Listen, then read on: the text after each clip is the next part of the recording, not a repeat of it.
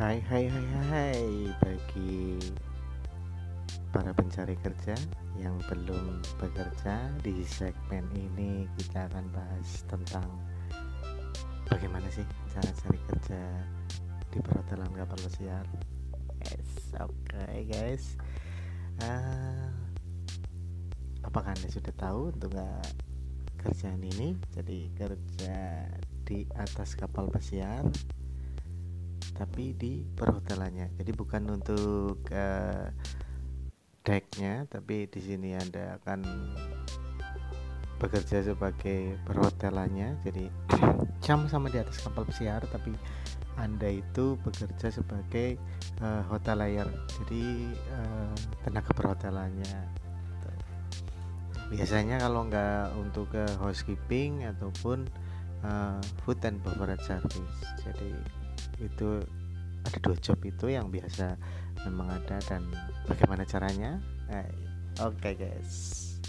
Kita simak uh, lebih lanjutnya. Jadi kayak gini guys. Uh, anda mungkin masih bertanya-tanya untuk uh, bagaimana sih bisa sampai kerja ke kapal pesiar bagi orang Indonesia biasanya kebanyakan uh, job di sana itu terdiri dari dua divisi yaitu housekeeping dan food and beverage service. Jadi di sana nanti Anda bisa bekerja di divisi itu. Jadi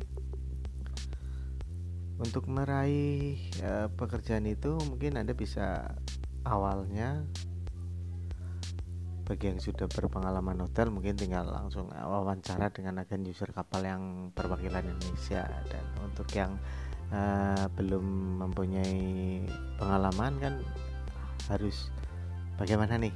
Oke okay guys untuk uh, segmen ini kita bahas di uh, segmen selanjutnya. Oke okay guys terima kasih telah mendengarkan di Budi Podcast Hotel Kapal Persiar